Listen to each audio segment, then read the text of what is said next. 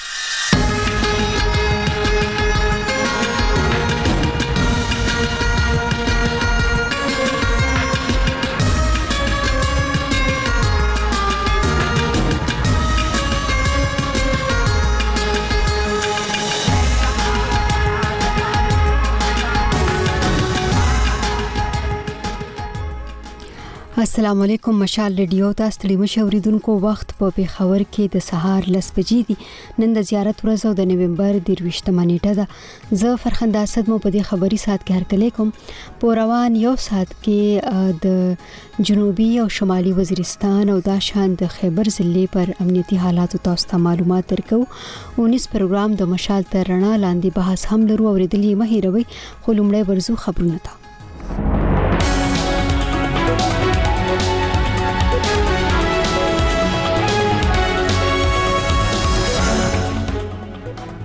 په جنوبي وزیرستان کې په یوه بمی چاودنه کې د یو ځای مشر په ګډون درې تنه وژل شوي او څلور ژوبل دي په شمالي او جنوبي وزیرستان کې پر امنیتي عسکرو په وسلوالو بریدونو کې څلور پوځیان وژل شوي دي او تمه ده د اسرایل او حماس ترمنځ د اوربند وروسته دواړو خواو ته يرغمل شوي تنان خوشی کړی شي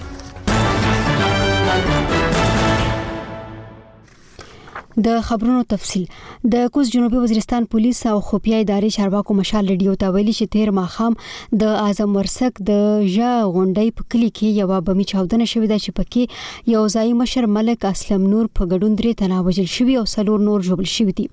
د وانه د پولیس ثانې مشر الله نواز وزیر مشال لډیو ته ویلي چې ملک اسلم نور د خپل زوی سره یو دکان ته ورغلی و چې هلته پرې بمی چاودنه شوې چې پکې ملک اسلم نور د دزوی او دکاندار وژل شوی دي د ځایي خلکو تر مخه نوموړی د سیمې یو ځایي مشر وو، د امنیت ټینګ ساتلو لپاره یې تل خپل غږ پورته کړی وو. پر هغه د برید ذمهواري چا نه ده منلې. بلخوا د بره جنوبي وزیرستان سره روغې سیمه کې پر پوځي پوستې د وسلهوالو په حمله کې دوه پوځیان وژل شوي دي او څلور ژوبل شوي دي. د سیمې امنیتي چارواکو مشال ریډیو ته ویلي چې تېر ماښام نامعلومو وسلهوالو پر پوځي پوسته برید کړی چې وروسته د دوه خواو ترمنځ انخته پیل شو چې پکې دوه پوځیان وژل شوي مشال ریډیو ته په لیګلی یو بیان کې تحریک طالبان پاکستان د سره روغې پر پوځي پوسټه د حمله ذمہواری منلې ده بلخوا د پاکستان د پوز د اماړي کو اداري اس پی آر پرون په یو بیان کې ویلي چې د شمالي وزیرستان پر ازمک کې د پوز په یو گاډي د سړک غاړي بمی چاودنه کې دوا پوزیان وژل شوې دي بیان زیاتوي چې وسلوالو په رزمک کې د امنیتي عسکرو پر قافلې د ریموټ کنټرول بم حمله کړې چې پکې دوه پوځیان وژل شوي دي لدی وړاندې د نومبر په شلمه هم د رزمک په ګړیوم سیمه کې د سړک غاړې بمی برید کې یو امنیتي سرتیری وژل شوی وو تر اوسه کومې وسوال ډلې لا په دغه اړه سن دی ویلي د خیبر ضلع د پولیسو بیان زهیر اپریدی نن سهار مشال ریډیو ته ویلي چې 13 شپه د جمرود په لالا کنډاو چک پوسټه وسلوالو برید کړی چې پکې یو پولیس پایي تر ژوبل کېدو وروسته په حیات آباد میډیکل کمپلیکس کې ساه ورکړې ده پولیس چارواکي وایي پیښه هغه مهال د علي مسجد تاڼې په حدودو کې رامنځته شوه چې کله تیر شپه پر یوې چک پوسټې وسلوالو برید وکاو هلته یې په ډیوټۍ ولاړ پولیس او ډزې پیل کړې د چارواکو تر مخه وسلوال د پیښې وروسته تښتیدلي او په سیمه کې د لټون عملیات یې پیل کړی دي د شمالي وزیرستان په میرامشاه کې د صحت محکمې د پراجیکټ کارکونکي وای د 1314 میاشتو راهیسې ورته تنخواګانی نه دی ورکړل شوی دوی د 1300 ورځو راهیسې د میرامشاه د صحت محکمې مخې ته احتجاجي پرلت پیل کړي او غوښتنه کوي چې زر تر زر دی ورته تنخواګانی ورکړي شي د احتجاج کوونکو وینا ده چې د 2023 کال په دسمبر میاشت کې د پاکستان تحریک انصاف ګوند په 13 صوبایي حکومت کې د قبایلي ضلعو د مختلفو پروژو د کارکونکو په اړه یو قانون منظور شو او له دغه سره د بېلابېلو محکمو د پروژو کارکونکي هم مستقل کړل شول، خو د قبایلي ضلعو د صحت محکمې اوولس سوه کارکونکو کې یوازې دوه سوه مستقل کړل شوي دي. په دغه اړه د احتجاج یو ګډونوال فریدالله مشال رېډیو ته وايي. تین چار هزارنه اباو ایمپلویر وی بقایا کم ډیپارټمنټ دی دا ټول ریګولر شوی دی او زمونږ هیلت والا تقریبا پندره سو نه اباو کسان هغی ته هیڅ پری نه ریګولر آرډر میلاو شوی دی پندره سوله مهینی تنخواګانی یا ندی ورته میلاو. بلخوا د شمالي وزیرستان د صنعت محکمې مشر ډاکټر معراج وزیر مشال رډیو ته ویلي چې پر دغه مسلې کار پیل کړي او تمه لري چې زر تر زره یې هواره کړي. او بل خبر دا چې د اسرایل د قامي امنیت سلاکار پرون د نومبر په 22مه ویلي چې د دوی او حماس چې د امریکا او اروپאי ټولنې له خوا ترهګر ډله ګرځول شوې ترمنځ د عارضي اوربند لوجې د يرغمل شو تنانو خوشی کېدل د نومبر له 23 مې وړاندې نشي کېدای دا له هغه وروسته دا چې اسرایل او حماس په غزا کې د سلور ورځو پر اوربند رضا شوې دي پر دغه مهال به غزا ته د مرستو رسول او د 50 اسرایلی يرغمل شوو د خوشی کولو په بدل کې په اسرایل کې بندي یو نیم سل فلسطینیان خوشی کول شي د دغه تړون د پیل وخت او د يرغمل شوو تنانو خوشی کول لا هم په رسمي توګه نه دی اعلان شوی دا خبرونه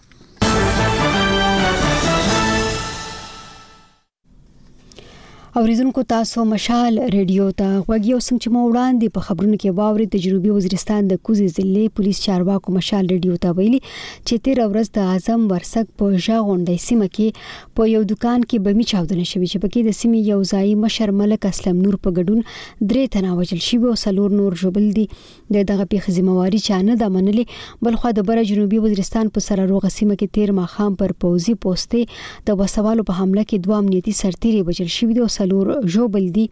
د پېښې ذمه واري تحریک طالبان پاکستان منلې ده. په دغه اړه نور تفصیل د سیمینار اشتیاق مسید راکوي. د سویلي وزیرستان لوور ضلع پولیسو او خفیه ادارې چارواکیو مشال ریډیو ته ویلي دي چې د پنځم په تېره ورځ مزدیګار مهال پنځه بجې په دژه غونډۍ سیمه کښې بامي چاودنې په نتیجه کښې د ضلع خېل قوم یو مشر ملک اسلم نور سره درې کسان وژل شوي او څلور نور ژوبل شوي دي او د سویلي وزیرستان اپر ضلع سراروغه سیمه کښې په پوځي پوسټ بنې د وسله والې برید چي دوه پوځي سرتېري وژل شوي او څلور نور ژوبل شوي دي. په اعظم ورسک سیمه کښې د بامي چاودنې په باره کښې د وانا سټي، تڼې، تڼې دور، الله نواز وزیر مشال رېډیو ته په دا رنګ وژاغېده. د کونه که دای په سامان کی لاس ور وشه پوسه د کونه په چا کی بام له تای شو یو اسلام نور دای یو بچای دای محمد اسلام نمی یو بل سکندر دای.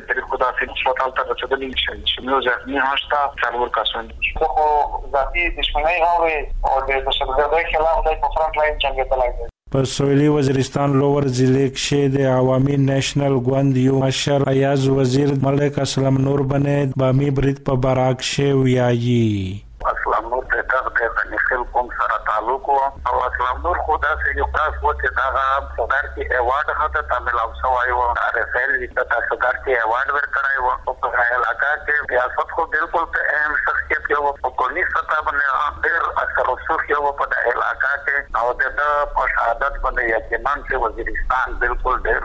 خفه ده هیله چې اسلام نور یوره ده ته هم ګوته ور وغځیدلی چې د انیس په ریاست ډیره نیوکه کیږي خو داسې دماکه بیا نه ده شوې ډیر وخت نه خو یقینا هسې د دغې بد امنۍ یا ګومتي روکتام نه وکړي دغه د وزیرستان د پوره ډیره خطرنوکه جامه راونادو. په بل لوري د سویلي وزیرستان پر ضلع کښې د خفیه ادارې یوه چارواکي د نوم نه وشولې په لاوج مشال ریډیو ته ویلي دي چې د پنځم په تیره ورځ ماشوم مال شپیژ باجې ناپیژاندلې وسلهوالې په سراروغه سیمه کښې په پوځي پوسټ برید کړی دی او د ډازونو بدلون په نتیجه کښې دوه پوځي سرتیري وژل شوي او څلور نور ژوبل شوي دي د اعظم ورسک سیمې د ژا غونډۍ کښې د ملک اسلم نور د وژلې ذمه وري لیا تر دا وخت پورې چا هم مانل یې نه دو او په سراروغه سیمه کښې په پاکستاني پوځي پوسټ بنې د برید او د دوې پوځي سرتیرو د وژلې ذمه وري د تحریک طالبون پاکستان ترجمان محمد خراساني مشال ریډیو ته پرولاژلې یوه بیان کښې مانل یې دو. اشتیاق مسید مشال ریډیو ډیره اسماعیل خان.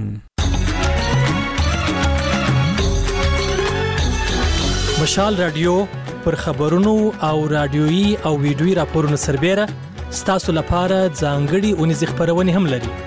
او ریدل او لیدل یې مه هېروئ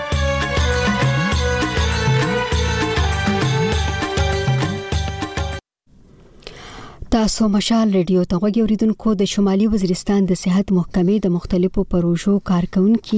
د خپل نوکریو د مستقل کېدو غوښتنه کوي دوی د تیرو څو ورځو راهیسې د میرام شاه د صحت محکمې مخې ته احتجاجي ناسته پیل کړي او وايي د تیرو شپاړس میاشتو تنخواګانې بند دي د دغو احتجاج کوونکو وینا ده چې په 2020 کال کې د پاکستان تحریک انصاف ګوند په خواني صوبایي حکومت د دوی د نوکریو د مستقل کولو په اړه یو قانون جوړ کو خو تر اوسه په دغه قانون عمل نه دی شوی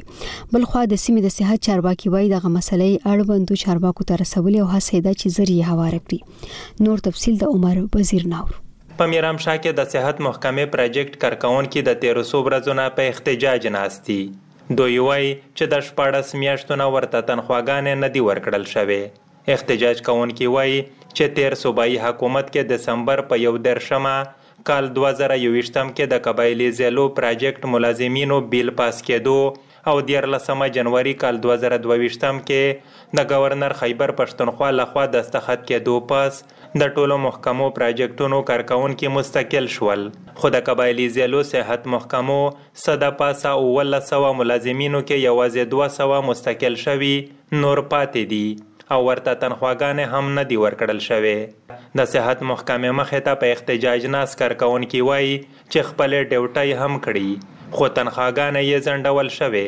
تر څو یې چې ستونزه حل نه وي په احتجاج به ناست وي. د احتجاج یو ګډونوال فریدالله وايي چې دوه زره څوارلسم کال کې صحت محکمې، ای ډي پي، پراجیټ کې بھرتي شوې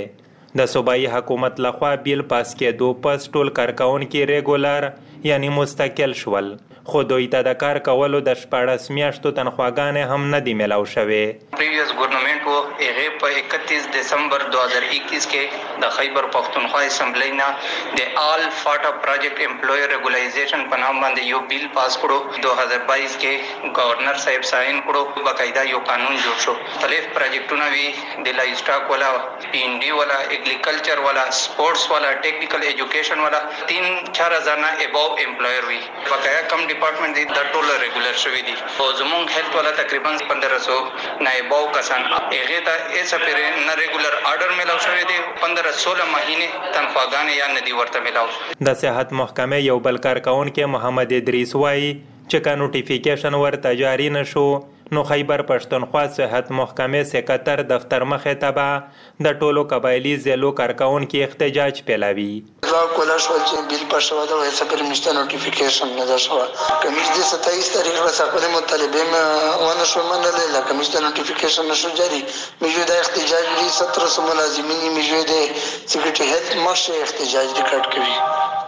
د صحت محکمې کارکوونکو دغه احتجاج په اړه مو چې د شمالي وزیرستان صحت محکمې مشر ډاکټر معراج وزیر نه وپوښتل نو دوی مشال رېډیو ته وویل چې د ټولو قبایلي ضلعو صحت محکمو له مشرانو سره یې خبرې شوې، دوی د یادو کارکوونکو کېس متعلقه محکمه ته استولی. صوبايي حکومت به د قانون سره سم د دوی د ريګولر يا مستقل کېدو او د تنخواګانو فيصله کړي، طمع کړي چې ورته سل لاره وباسي. احتجاج کوونکي وايي چې په ټولو قبايلي ضلعو کې د صحت محکمې څه د پاسه اوولس سوه کارکوونکي په احتجاج دي، که غوښتنې يې پوره نه شوې نو خپل احتجاج به نور وغځوي. عمر وزیر، مشال ریډیو، بنو. د مشال رېډيو خپراونه ورووي. زه اشتیاق مسید یم توسې د ډیره اسماعیل خان لکی مروت ټانک او سویلی وزیرستان له تازه حالاتو خبروم مشال ریډیو وروي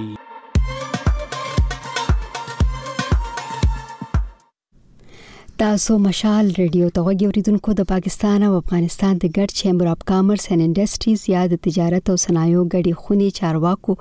د نومبر په 22مه مشال ریډیو ته ویلي چې پاکستان د افغان ډرایورانو ته د ویزو ورکولو طریقې کار اسانه کړي دا غوښتنه په داسې حال کې شوې چې د نومبر په 22مه نیټه په تورخم کې د پاکستان سرحدي ځواکونو په سلګونه هغه ګاډي څار کړي وو چې ډرایورانو سره یې د پاکستان ویزه نه و هغه پاکستانی سوداګر چې افغان سوداګرو سره لمودو راهیسې تجارت کوي وای په تورخم د مختلف ډول سختۍ او لوجه اوس ورته افغان سوداګر په زیات شمیره کې نه راسي په دې اړه نور تفصیل د سیمې نه فرهاد شنواری راکوي د پاکستان او افغانستان د تجارت او صنایعو ګډې خونې ډایرکټر شاهد حسین مشال ریډیو ته وایي چې په کار ده د افغان ډرایورانو د ویزو د ستونزه هواره کړل شي او څه متبادل بندوبست ورته وکړل شي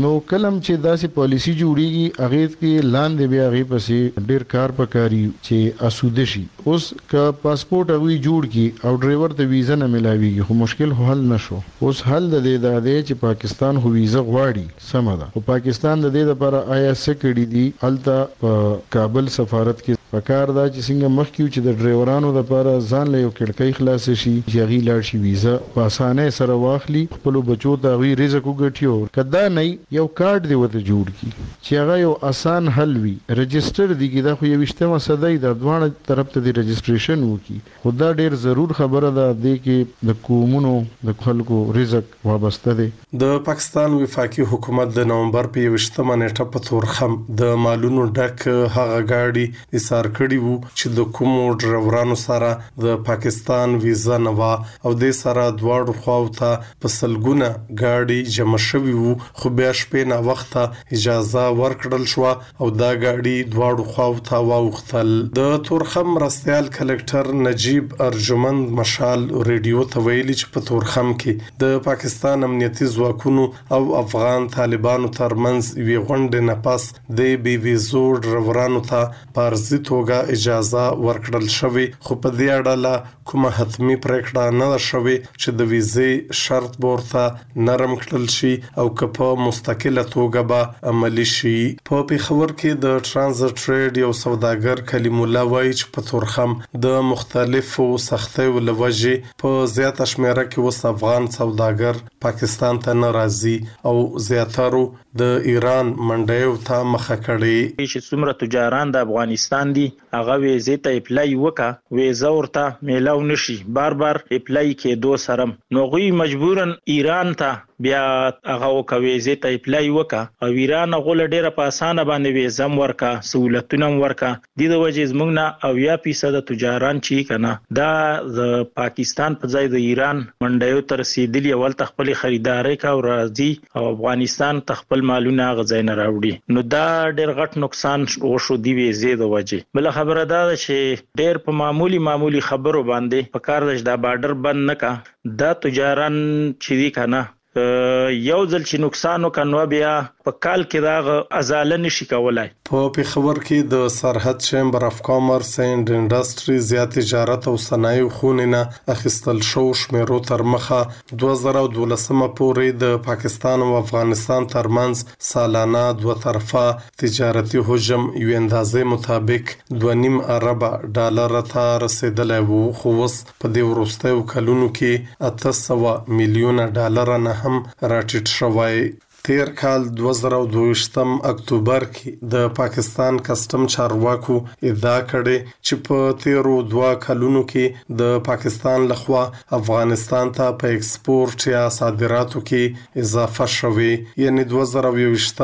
جولای، اګست او سپټمبر کې پاکستان افغانستان ته خواوشا نوي میلیونه ډالرو ایکسپورټ کړی وو او په دوه زره او دوه ویشت کې یې جولای، اګست او سپټمبر کې یو سل او یو شپېته میلیونه ډالره ایکسپورټ یا صادرات ورلېږلي او د پاکستان قومي خزانې ته ترې لږ تر لږه درې اعشاریه دوه میلیونه ډالره د محصولاتو په مد کې هم ترلاسه شوي خو بیا پاکستاني سوداګر وايي چې دغه شمېره په تېرو وختونو کې له دې نه هم زیاته وه. او دا د اطمینان وړ شمېره نه ده. فرهاد شینواری، مشال ریډیو، خیبر. اوریدونکو د پاکستان نه افغانستان ته لیږل کیدونکي افغان کډوال د راپورونو تر مخه د یو شمیر ستونزو سره مخ دي. دوی د اوسیدو لپاره د مناسب ځای نه لرلو سره سره د خوراکي توکو او د صحت او زده کړو د اسانتیاوو د کمي سره هم مخ دي. خو ځینې افغان کډوال وایي چې بیرته خپل هیواد ته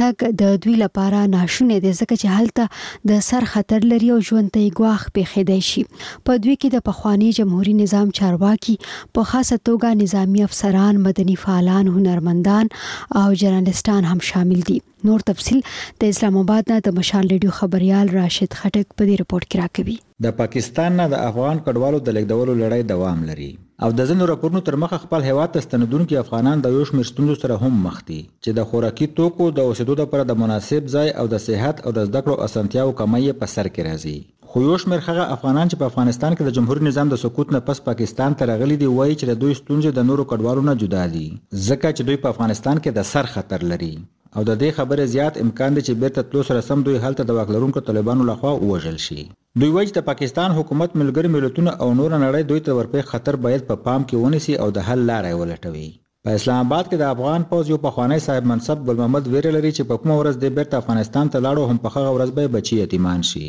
ده مشال راډيو ته خپله کيسه وکړه او ويې ويل. داسې ده وروره چې مونږ چې افغانستان نه دلته راغلي يو خاص هم دغې خاطر نه چې هلته مشکلات زيات وو د يو نظامي په خاطر ډېر مشکلات مونږ ته وو او دې ځي نه چې اوس مونږ ډيپورټ شو او هلته لاړ شو خامخا خطر پيدا کيږي دې په خاطر چې هلته ډېر زيات خطر دی. نو دې وجې نه مونږ اوس چلته لاړ شو کوی او مونږ ته څه مشکل جوړ شي د زمونږ کورنۍ بې سر پرسته پته کېږي او څوک نه وي چې دوی سر پرست وي ای دې وجې نه هلته زیات خطر دی. ځنې مدني فعالان او ژورنلسټان وايي چې ملګري ملتونه او نورې نړیوالې ادارې باید په پاکستان فشار راوړي چې د بې اسناده او اسناد لرونکو کډوالو په شان د خطر لرونکو او بې خطره کډوالو کټګرۍ هم جوړې کړي. دوی وایي چې هغه افغانان چې په افغانستان کې ژوند ته خطر پېښېدای شي، باید تر هغه په پاکستان کې وساتل شي چې کوم دریم هېواد کې پناه واخلي. افغان ژورنالیسټه او مدني فعاله نازیه حفیظي وایي چې دا او د دې په شان نور په لسګونو بلکې په سلګونو مدني فعالانې او ژورنالیسټانې نورو هېوادونو ته د تلو په تمه پاکستان ته راغلي دي، خو د افغان کډوالو د ویستلو د لړۍ پیل کېدو نه پس نه پوهېږي چې انجام به یې څه وي. همدا اوس زه خپله له خپلې کورنۍ سره دلته پاکستان کې اوسېږم، راغلې یم ولې بې سرنوشته پاتې یم، لسګونه او سلګونه نورې کورنۍ او فعالانې دي چې له ورته ستونزو او تشویشونو سره مخامخ دي. نن او سبا موږ او تاسو د دې شاهدان یو چې په دغه ناقانونه کډواله کې هغه امنیتي سرتېري د افغانستان هم شامل دي چې د هغوی ژوند له جدي ګواښ سره مخامخ و. د یادې دې تر څنګ د ښځو د حقونو فعالانې دي، خبریالانې دي او دې ته ورته نور سلګونه کسان چې واقعاً د هغوی ژوند له ډېرو جدي ګواښونو سره مخامخ و. البته ځنه سندرغړي او هنرمندان وايي چې دوی ته په افغانستان کې د سر خطر نشته خو نورې ستونزې د عام خلکو په نسبت سېوا دي. په پېښور کې افغان سندرغړي بريالي ولي په دې هکله د مشال راډيو يوه پوښتنه داسې ځواب کړه. که موږ افغانستان ته لاړ شو ځو به خو موږ ته د کار بديل که چېرته پيدا شي موږ به لاړ شو خپل وطن ته. زموږ لپاره د سر خطره نشته موږ ته څه نه وايي خبره دا ده چې هلته په موسيقۍ باندې بنديز لګېدلی دی. خو چې هغوی بندیز لګولی دی مونږ به د قانون احترام کوو د هغوی سره کار بدیل مونږ ته پیدا کړي چې مونږ لاړ شو یو کار وکړو هلته په دې خو پوهیږي چې هنرمند څه کولی شي کوم کار کولی شي نو نه پوهیږم چې د کار بدیل به کوم د کار بدیل وي نو هغه ته به مونږ انتظار باسو د دې انتظار کې باید پاکستان مونږ سره دا کومک وکړي چې دلته مونږ ته د پاتې کیدلو یو زمینه مساعده کړي. یو پخواني افغان افسر د نوم نه ښودلو په شرط مشال ریډیو ته وویل چې دی په جمهوریت کې نظامي چرواکی نه وو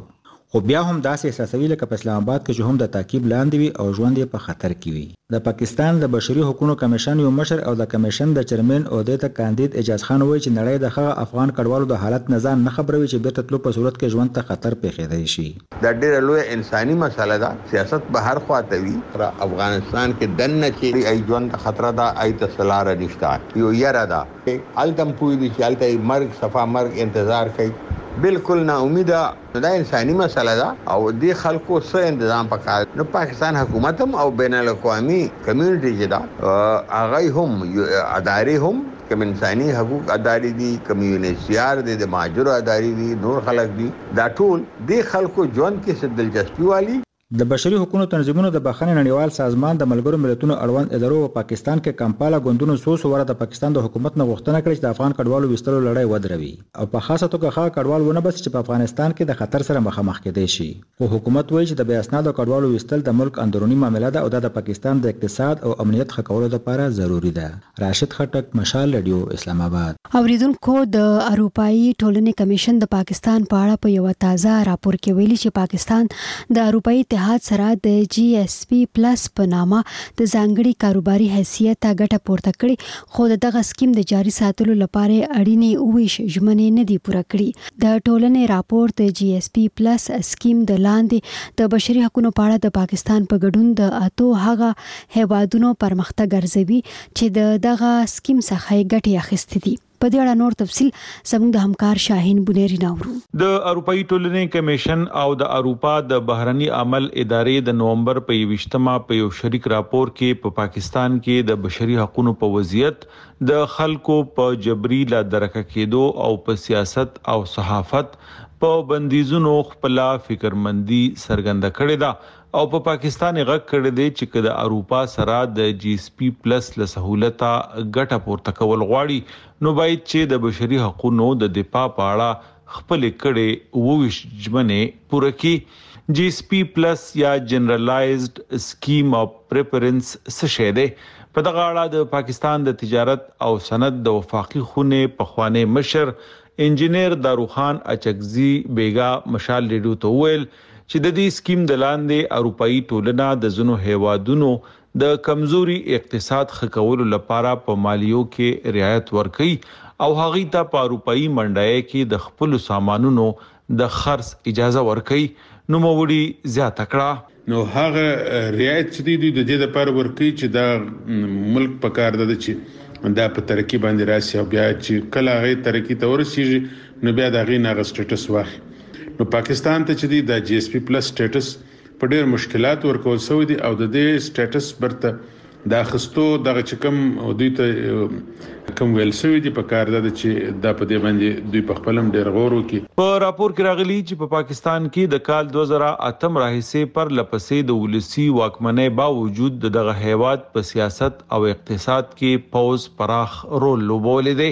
اروپايي ټولنې د قانوني اصلاحاتو لپاره د پاکستان د هڅو ستاینه کړې، خو زیاته کړې ده چې د جبري بې درکۍ او د زور زیاتي د پېښو په اړه اندېښنې په خپل ځای موجودې دي. پاکستان ولې د بشري حقونو په اړه د خپلو نړیوالو ژمنو په پوره کولو کې پاتې راغلی دی؟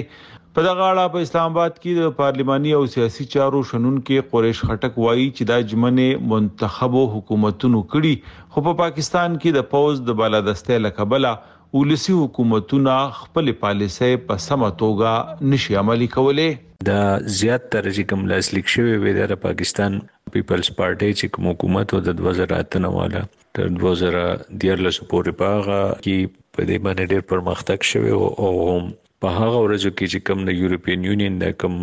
جی اس پی پلس پروګرام او په دې باندې عمل درآمد شروع شو د لاسلیک کول چې وو دا د سیویلین زمونږ چې کوم حکومتونه وو د غي په اختیار کې وو خو شاید بیا چې د دې عملی کولو ولکه مختیار او غي ته کوئی پر نه خو دلی شو ځکه چې په دې ملک کې د سیویلین حکومتونو نه زیات طاقتور او مقتدر چې دي هغه د پاکستان عسکري ادارې دي. په داسې حال کې چې په پاکستان کې خبریالان د بریدونو او دړکو سره مخ دي، د اروپايي ټولنې په راپور کې ویل شوي چې په پاکستان کې د بیان په ازادۍ بندیزونو د خبریالانو ژوند او کار اغېزمن کړی دی. اروپايي ټولنه وايي چې د راپور د لیکلو پر مهال یو شمېر خبریالان یا خو د بریدونو ښکار شو او یا له درکه کړل شو. د ټولنې تر مخه پاکستان د بیان د ازادۍ په حواله د یو سل اتیا هېوادونو په فهرست کې په یو سل پنځوسم ځای ولاړ دی. پاکستان او په ځانګړي توګه جنګ ځپلو سیمو کې خبریالان د کومو چلینجونو سره مخ دي؟ په دغه اړه له وزیرستانه خبریال رسول داوړ وايي چې د دړکو له کبله یې په خپل ځان هم ځینې بندیزونه عملي کړي دي. موږ زیات تر سلف سنسرشپ چې کوم ورته وایي هغه زیات کو وجه دا وی چې موږ ته پته یي چې کوم از اټ از هغه انفارمیشن شیر کړل نو دنیا یو کونه کې هم زموږ سپورټ بیا نه راځي او که را رسی را رسی نو دلته به دا هغه حال وي چې کوم زموږ پخوا 14 15 قبایلی صحافیانو شوی دی چې شهیدان کړی شوی دي نو صحافي خپل ځان ته کسي پیله د هغې نه پس بیا انفارمیشن ورکوي د دې د وجه نه ډیر انفارمیشن داسې دي چې په ګراوند اوس هم موجود دي په مختلف سیکټرز کې خو هغه ریپورټ شوي نه دي پاکستان د اروپایي ټولنې د تازه راپور په اړه لا څه نه دي ویلي خو له دې وړاندې چارواکو ویلي چې د بشري حقونو دفاع ته ژمن دي او د لادرکه کسانو د موندلو لپاره یې کمېشن جوړ کړی دی موجوده نګران حکومت هم وايي چې په هېواد کې ازاد او رڼه انتخابات یې بنیادي موخه ده، خو ځینې سیاسي ګوندونو د رڼو انتخاباتو د حکومتي ادعاوو په اړه د خپلو اندېښنو څرګندونې هم کړې دي. د یادونې وړ ده چې اروپايي اتحادیه د پاکستان دویم مهم سوداګریز شریک دی او په کال دوه زره دوه ویشت کې دغه هېواد د خپلو برآمداتو نهه ویشت اعشاریه اته فیصده اروپايي منډیې ته لېږلي دي. دغه شان په کال دوه زره دوه ویشت کې اروپايي اتحادیې ته د پاکستان برآمدات د کال دوه زره نولس پرتله اته پنځوس اعشاریه نهه فیصده زیات شوي وو. اوریدونکو د کوز جنوبي وزیرستان پولیسو او خفیه ادارې چارواکو مشال ریډیو ته ویلي چې تیر ماښام د اعظم ورسک د ژا غونډۍ په کلي کې یوه بمي چاودنه شوې ده چې پکې یو ځایي مشر ملک اسلم نور په ګډون درې تنه وژل شوي او څلور نور ژوبل شوي دي د دغه پیښې ذمه واري لا چا نه ده منلې بلخوا د بره جنوبي وزیرستان سره روغې سیمه کې پر پوځي پوستې د وسلوالو په حمله کې دوه پوځیان وژل شوي دي او څلور ژوبل شوي دي تحریک طالبان پاکستان د دغه حملې ذمه واري منلې دا شان د خیبر ضلع د پولیسو ویان ظهیر اپریدي نن سهار مشال ریډیو ته ویلي چې تیره شپه د جمرود په لالا کنډا او چک پوسته وسلوالو برید کړی چې پکې یو پولیس سپایي تر ژوبل کېدو وروسته په حیات آباد میډیکل کمپلیکس کې ساه ورکړې ده د چارواکو ترمخه وسلوال د پیښه وروسته تښتیدلي او دوی په سیمه کې د لټون عملیات پیل کړي د اسراییل د قامي امنیت سلاکار پرون د نومبر په دویشتمه ویلي چې د دوی او حماس چې د امریکا او اروپایي ټولنې لخوا ترهګر ډله ګرځول شوې ترمنځ د عرضي اوربند له وجې د یرغمل شوو تنانو خوشې کېدل سبا د نومبر له څلوېښتمې نه وړاندې نه شي کېدی. او اوس هم ورزو بریدونکو اونیز پروګرام د مشال تر رڼا لاندې بحث ته دا پروګرام چې نن تاسو په دویم ځل اوري کوربې زموږ همکار عبدالحی کاکړ دی په دې پروګرام کې د پاکستان پر سیاسي هلو ځلو بحث شوی دی نو راځي چې وایو د مشال تر رڼا لاندې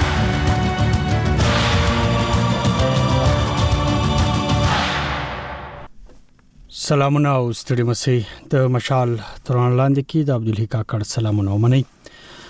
په پا پاکستان کې د عامو انتخاباتو لپاره شاوخوا دوه نیمه میاشتې پاتې دي چې د غټلو لپاره سیاسي ګوندونه وارلمخه هلي ځلي پیل کړې دي د پاکستان مسلم لیگ نون مشر نواز شریف له لندن پاکستان ته تر ستنې دورسته له مختلفو ګوندونو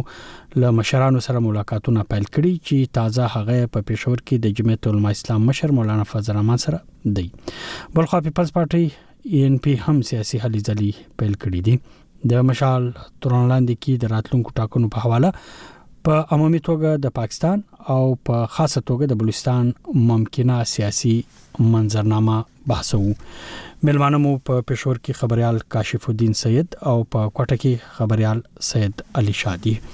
سید علي شاه دا وخت را سره ټلیفون په لاین دی د کاشف الدین سید ته هم ټلیفون کو څه ستونزه ده نو هغه چې په لاین راسي نو ور سره به خبرې کو خو سید علي شاه سیب تاسو تر کله وایم مننه کاکړ سید خوشاله اوسې سید علي شاه سیب سوال دا دی په عمومي توګه پاکستان کې سیاسي یا انتخاباتي مهمونه له یو بل سره اتحادونه او موسم مطلب د دغه شروع سوی دی تاسو ته څنګه ښکاری چې کومه پارټي کدا سي مختصر وسه چې عمومي د پاکستان جایزه واخی چې کومه پارټي چې دا هغه زیاته فعال ده زیات ورته ماحول سازګار دی مننه ډاکټر صاحب دا چې د بلوچستان د ایالت پر د نور پاکستان په لیول که موږ وګورو نو یوازنی جماعت چې دی هغه پاکستان استقبال فعال ډیر دی او ډیر سټراټیجیک مووز دي یعنی پرون تاسو صدر اعظم نواز شریف د جمعیت علما اسلام د مشر مولانا فضل الرحمن سره ملاقات وکړي او په دې کې د غټه بریک ثرو سپاره کې کوم ډېر دا خبره وه چې په دې کې چې کوم را روان انتخابات دي د هغه په حواله چې کوم انتخابي تو سیټ چې کوم ایډجسټمنټ دی په هغه حق چې دي خبرې سوي دي بلوچستان تر حد به زه دا وایم چې هلک کوم صورتحال دی په کلو پورې پاکستان مسلم لیګ نواز شوه هغه دلته هیڅ نمایندګي نه په صوبایي اسمبلۍ زه دې ته راځم سید علي شاه صاحب تاسو سید علي شاه صاحب زه بلوچستان ته بیا په خصوصي توګه راځم ما سي تاسو څخه د پاکستان عمومي سیاسي منظرنامه اخیستله تاسو چې څنګه بیان کوي چې په عمومي توګه مسلم لیگ نواز فعال دی خو د دې په مقابل کې پاکستان پیپلز پارټي او پاکستان تحریک انصاف دا هغه پارټیان دي چې په ملکی سطح باندې مخکې حکومتونه جوړ کړی دي او اوس هم دا د مسلم لیګ نون په مقابل کې کڅوګ حکومتونه جوړي نو فکر دا کیږي چې یا به تحریک انصافي یا پیپلز پارټي به وي تاسو چې بیا د پیپلز پارټي او د تحریک انصاف هلو ځلو ته ګوري نو هغه هم هغه سي دي چې څنګه مسلم لیګ ته ماحول ډیر سازګار دی یقینا دا ډیر صحیح سوال دی دا پارټي چې دا خبره کوم نو د پیپلز پارټي چې کوم چیرمن دی بلاول بوټو زرداری هغه د پاکستان چې کوم شمالي علاقې جات دي بلتستان دي علاقو دي امام چې کوم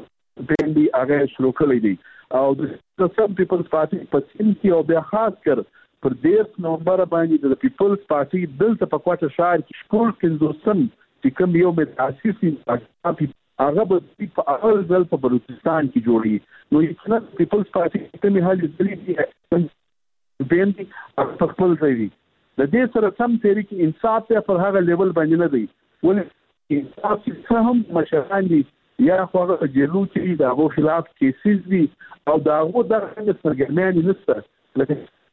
هم پیپلز پارټي دي یا مسلم لیګ نواز دي اوس مسلم لیګ نواز خبره دا چې ده چې د هغو ډېر ستراتیژیک موز دي یعنی دلته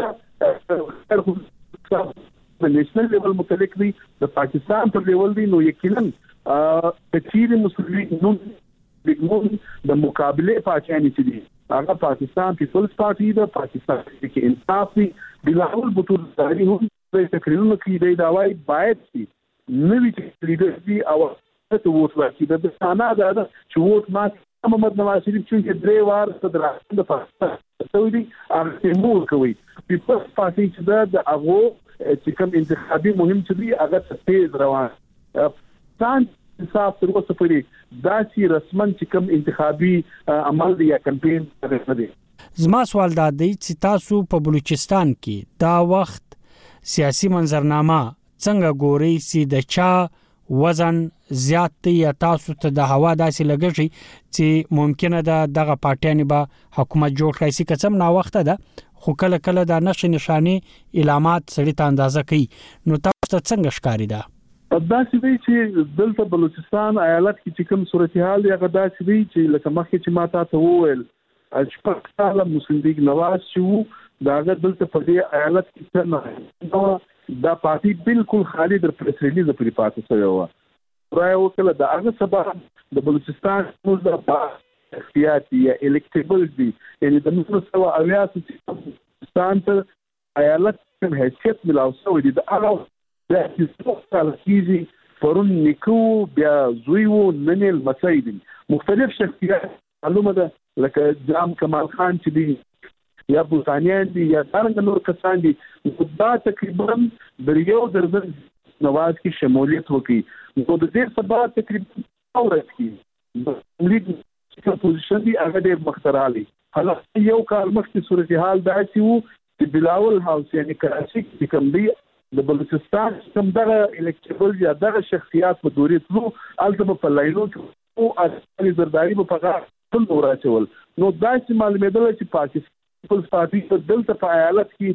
ګډن جوړي ګډ حکومت دلته ظاهر ده تاسو ته معلومه ده بلوچستان کې یو سیاسي ګوند چې زمونږ نشي جوړولای دلته همیشه تقسیم شو د منډیټ وي دلته ګډ حکومت وي نو په ګډ حکومت کې صورتحال دا پاتې پوزیشن شو لیکن د میا صاحب چې کوم دوره روان چې ورسوي هغه پاکستان پیپلز پارټي تر ورساوي یعنی کم وخت چې نواب سنا الله شریف شوی نو دلته د پیپلز پارټي کم سنیټر او قیوم سمرو هغه دلته اځه په سرداري راستولی وو هغه ناسو د هغه وخت چې د مسلم لیګ نوم چې ک سنیټر او ک ایم پی ایز او ک ایم ان ایز د سر چې دا ټول د پاکستان پیپلز پارټي حساب جوړیږي لیکن دا ولې چې پښپښ پکې با پارټي جوړه سو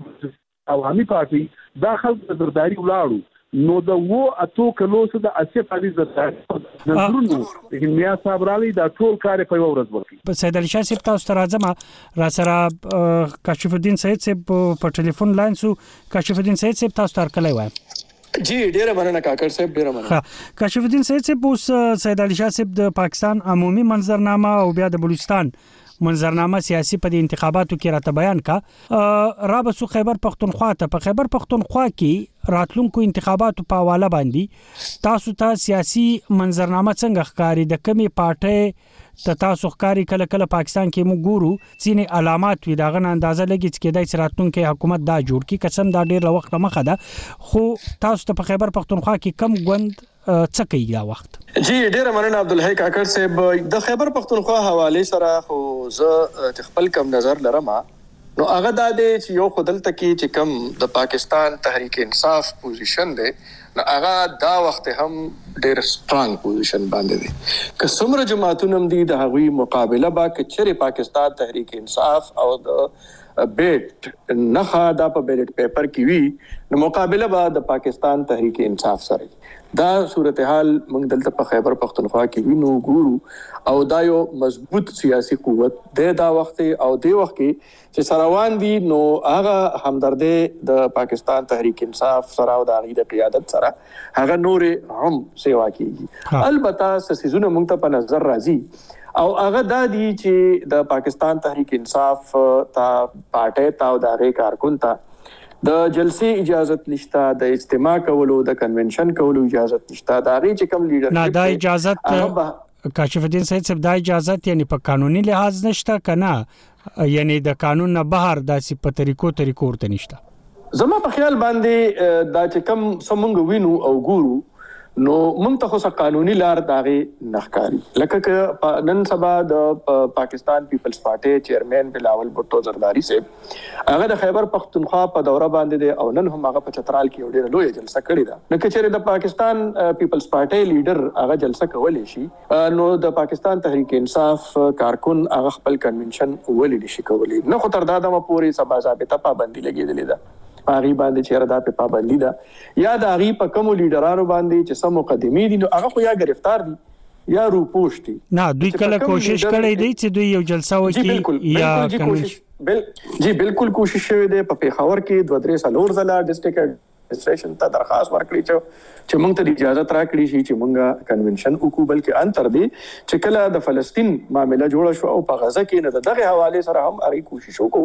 او هغوی ته اجازت ملاو نه شو. په مردان کې یو کنوینشن وشو او د هغه کنوینشن چې کوم منتظمین وو د هغوی په کورونو باندې چاپې ووهل شوې او د هغوی د ګرفتارۍ کوشش وشو او هغه خلک هم انډرګراونډ لاړل. نو دا یو صورتحال داسې دی چې دا تشویشناک هم دی د په خاص کر په خاصه توګه د پاکستان تحریک انصاف د کارکن لپاره او د هغوی ذمه وارو لپاره. د دې نه موږ ته داسې ښکاري چې داسې یو صورتحال جوړیږي او دا خبرې د بعضې طرفونو نه د بعضې سیاسي جماعتونو نه کیږي هم چې پاکستان تحریک انصاف ته به امیدوار نه ملاویږي نو که دغه سي صورتحال جوړ شي چې یو غیر اعلانیه پابندي ولګي یا روان دي چې کم کیسونه روان دي لکه د سایفر کیس روان دي د پاکستان تحریک انصاف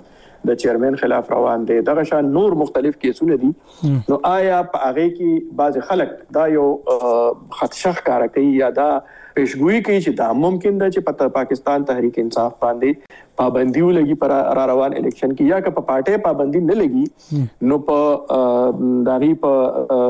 چیرمن باندې پابندي ولګي او هغه بر پارټي چیرمن نه دا غسر بس اختیار نه یو خدا صورتحال ده د دې نه علاوه چې بیا موږ راځو نو موږ ته د خیبر پښتونخوا سیاسي صورتحال کاشف الدین سید صاحب که زه بیا په بل سوال کې هم دغه تاسو ته د پیپلز پارټي ای ان پی جمعیت العلماء اسلام مسلم لیګ نون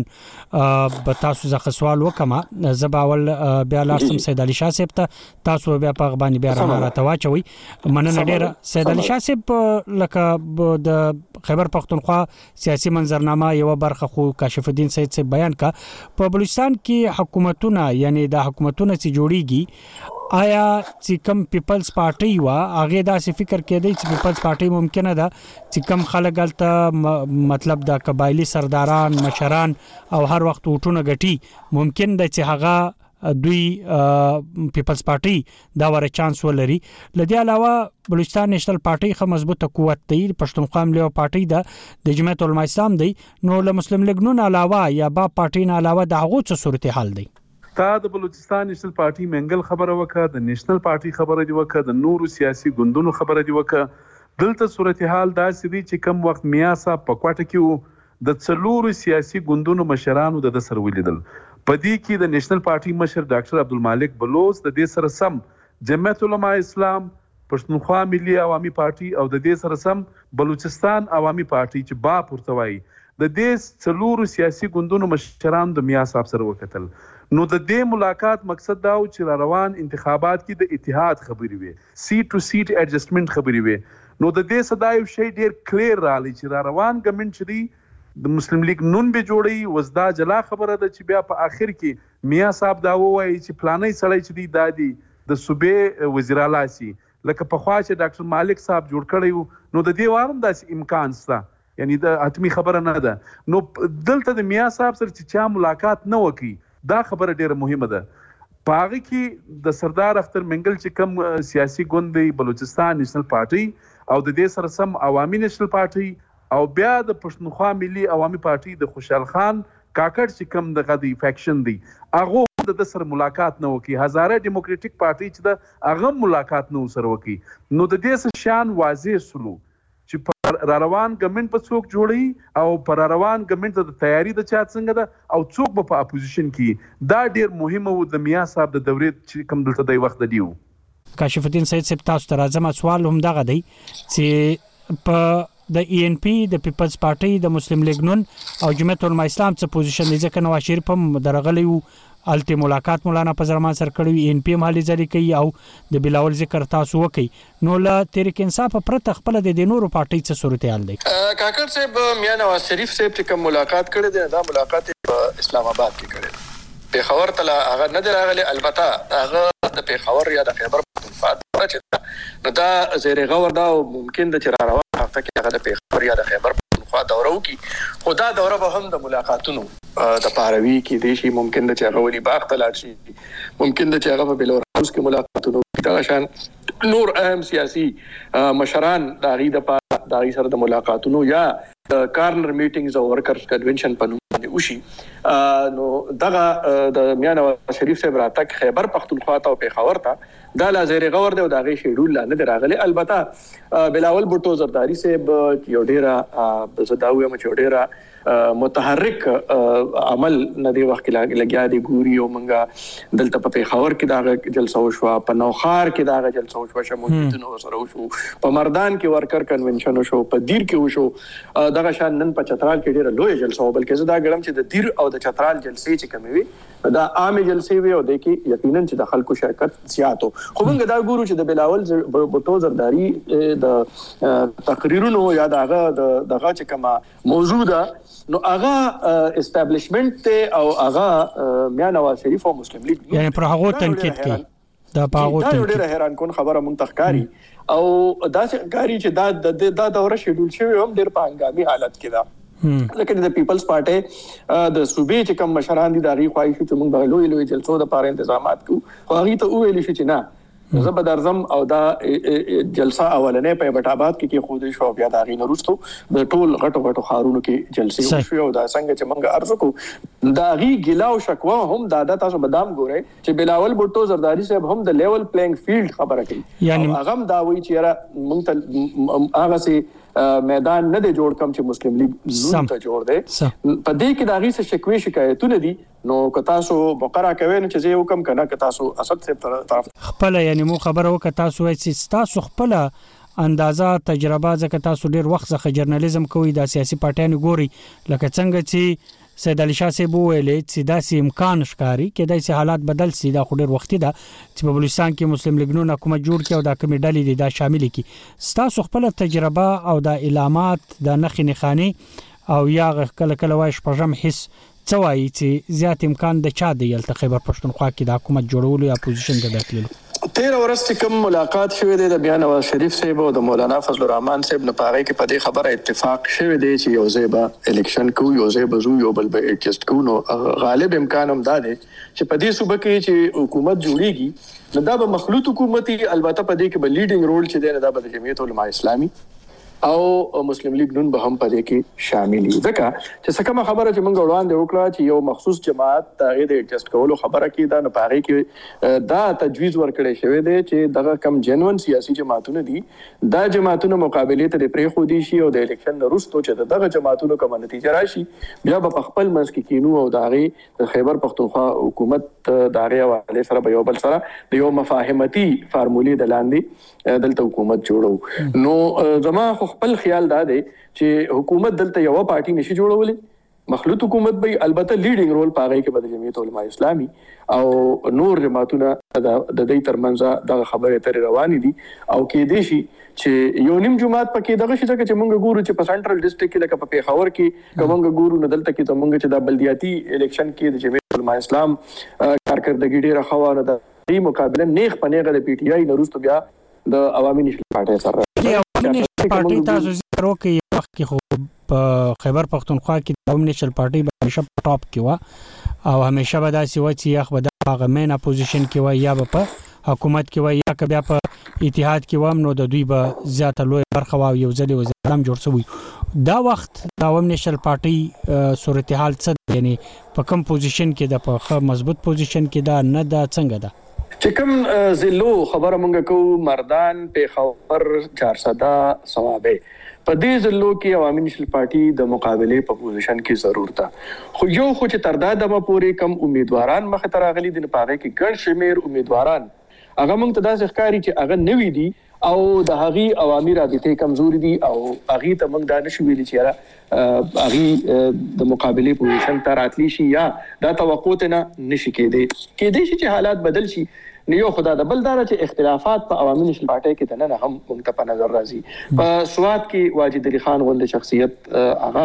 د پارټۍ نه کناره کشي اختیار کړې ده او څو وخت دا اطلاعات هم راځي چې هغه بل جماعت ته ځي خو بهر حال تر دا د مپوري هغه بل جماعت ته نه دتلې دلته مونږ د وکړ چې په خواني ناظم د ډیسټریکټ ناظم حاجی محمد عمر خان چې دا د عوامي نېشنل پارټۍ یو ډیر تکړه او ډیر سرګرم مشر و د ضلع په خبر هغه په جمعیت علماء اسلام کې شامل شو خفه دی دغه شان په دیر کې مونږ وکتل چې زاهد خان صاحب خفه شو خو بیا هغه رضا کړی شو هغه ته د قومي اسمبلی ټیکټ ورکړی شو نورم داسې مونږ ته په نظر راځي چې نوې مخونه هغه متعارف کړي شوی دی او چې کم زاړه خلکو لکه مونږ ګورو په دې په خبر کې دا چې کم زمونږ د کینټ ایریا نه دلته سید عاقل شاه صاحب په خاني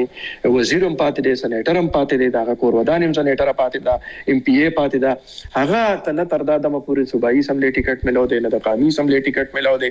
دغه شان نور اهم شخصیات چې د پارټۍ کومو نو هغه نظر انداز کړي شوی دي نو زما په خیال باندې داسې ښکاري چې د عوامي نېشنل پارټۍ لیډرشپ څه نوې تجربه کول غواړي او دغه تجربه کې دي چې هغه ته باید نقصان وکړي مننه کاشف الدین سید صاحب سید علي شاه صاحب پښتونخوا ملي پارټي یعنی پښتنو سیمه ته بلوچستان کې راشو تاسو ته څه ښکاری چې هلته به مقابله د چاو چا ترمنځ وي او هغه بیا په حکومت کې راتللای شي په صوبه کې یعنی امکان څه دی هلته تاسو ته څه ښکاری یقینا دا وخت پښتونخوا ملي عوامي پارټي چې د هغه خبري اترې د جمعیت علما اسلام سره روان دي نو کچيري د دې دوه غټو سیاسي جماعتو ترمنځ یو اتحاد کیږي نو د بلوچستان چې کومي پښتني سیمه دي یا کوټه شار دي په دې کې د دوی پوزیشن برابریدلی شي. د دې سره سم عوامي نېشنل پارټۍ ده او بیا چې د خوشحال خان کاکړ په مشري کې چې کوم فیکشن دی د پښتونخوا میپ نو د هغو تر منځ هم د اتحاد خبرې روانې دي خو یوه خبره دلته ډېره ضروري ده د تحریک انصاف ذکر ما نه وکړ خاص کر تحریک انصاف په کوټه ښار کې او د بلوچستان چې کومې پښتني سیمې دي په دې کې د تحریک انصاف ووټ بینک زیات شوی دی دا جلا خبره ده چې دلته نه د هغو اکټیویټي شته نه یې داسې یو کمپاین شته، یو شی نشته، لیکن د خلکو سمپتیز، همدردیانې، ورسره زیاتې دي، نو داسې خبرې هم کیږي چې تحریک انصاف چې ده هغه هم د مختلف سیاسي جماعتو سره خبرې کوي، نو داسې معلومیږي چې په کوټه ښار کې هم د تحریک انصاف یا د بلوچستان چې کومې پښتني سیمې دي دالته هم د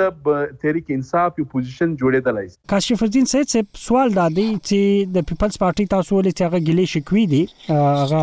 ریپورټ شوی هم دی خیر هغه مختصر که تاسو وایسته له دی علاوه ای ان پی او بیا جمعیت اسلامی باندی تاسو بیا هم رڼا واچوی چی هغه څه کوی هغو څومری چانسز دی. جی بلکل دی وخت هغې ذکر تاسو نه کوئ او هغه دې پاکستان تحریک انصاف پارلیمنټیرین د کوم ځای چې پرویز خټک صاحب کوي دا مهمه ده نو دغه هم یو اهم فکټر دی او داسې ویل کیږي چې داغه په سر باندې د چا لاس دی او دا کوشش روان دی د تیرو سمودینا چې دغه سیاسي جماعتونه چې پاره کې مسلم لیګ شامل دی پاره کې پاکستان پیپلز پارټي شامل ده پاره کې جمعیت علماء اسلام شامل دی او هغوی ته دا ویل کیږي چې تاسو پرویز خټک صاحب په دې پېښور ویلي چې ورته موږ وایو یا سنټرل ډسټرکټ د خیبر پښتونخوا چې ورته موږ وایو تاسو دې دلته پېښور ویلي ځا تاسو مراد مردان پېښور نوخار چارسده مردان نوخار صوابه خخه دا دي. جی دا پنځه ضلع د ته پېښور ویلي یا سنټرل ډیسټریکټس ویلي کیږي او دا وته ویلي کیږي چې تاسو په دې کې پر خټک سه ایڈجسټ کې خو تر دا دمه پورې چې زما کوم اطلاع ده نو هغه کې د ټولو سیاسي جماعتونو د پرویز خټک سه بیا دغه د پارټي د قبلولو نه انکار کړی دی او بیا چې موږ ګورو نو چې کوم ټاسک هغه ته ملو نو هغه کې صدا سه خاص الیکټیبل هغه سره نه شامل شوی بل طرف ته داسې ښکاري چې جنوبي اضلاع کې جمعیت علما اسلام دا به په خپل پوزیشن باندې راځي هزاره ډیویژن چې د دغل تبا مسلم لیگ نون داغي پوزیشن بخوي زمونږه ملکند او چکم شمالي ضلع دي یا دیر دین الت جماعت اسلامي او پیپلز پارټي د دې پوزیشن به ډېر خرازي او سیټونه به ته ملاويږي سنټرل ډیسټریکټ کې ک پرویز خټک ته خبره بار شي دا غجه مات نو بیا دلته عوامي نشل پارټي یو ډیر موثر قوت لري په دې ځای کې او دلته د هغې هلې ځلې هم روان دي خو اورال که موږ ګورو نو دلته کې په خیبر پښتونخوا کې د پاکستان تحریک انصاف نه روستو چې کم سیاسي جماعت ډیر متحرک دی هغه جمعیت علما اسلام دی ځکه چې جلسې هم غټې کوي او داغي سرګرمه روان دي په مختلفو ځایونو کې او شمولیتونه ورسره هم روان دي موږ وکتل چې په لګ ورځو کې دا غي سره په پیښور خار کې اهم خلکو شمولیت کو په نو خار کې د پرویز خټک سه په کلی کې داغه د کور مخ ته جمعیت علماء اسلام جلسه وکړه او پکې شخصیتونه وشو د دغه نه علاوه د پیپلز پارټي بعض شخصیتو استعفاګانې ورکړې دي چې هغه کې خواني وزیران یعنی خزا او خاوند دواړو وزیران پاتې دي. د پاکستان پیپلز پارټۍ اهم عهدهدار ډپټي سیکرټري اطلاعات اسما عالمګیر صاحبه او د هغې خاوند ډاکټر ارباب عالمګیر صاحب هغه په هغه ورځ استعفاګانې ورکړې په کوم ورځ چې بلاول صاحب په خبر کې جلسه کوله او بیا تیر ورځ ضیاء الله فریدي صاحب څوک چې په خواني وزیر د تحریک انصاف او بیا په پاکستان پیپلز پارټي کې شامل شو او د پیپلز پارټي صوبایي فاینانس سیکریټریو هغه هم استعفا ورکړې ده دغه شان نګت او رغزي صاحب پخوانه صوبایي اسمبلی ممبر ده هغه هم خفه ده او ناراضه ده نو دا یو صورتحال دی چې دلته کې کوم ته د پاکستان تحریک انصاف نه روس فخکاری نو بیا موږ ته مختلف جماعتونو په مختلف پاکټس کې راته پښتنې په بلوچ سیمو کې تاسو ته څه ښکاری چی نیشنل پارټی او بلوچستان نیشنل پارټی به سیټونه وګټی هغه ته څه کومی نښی نښانی ښکاری؟ ا نیشنل پارټی دا وخت په بلوڅو علاقو کی پوزیشن ښه دی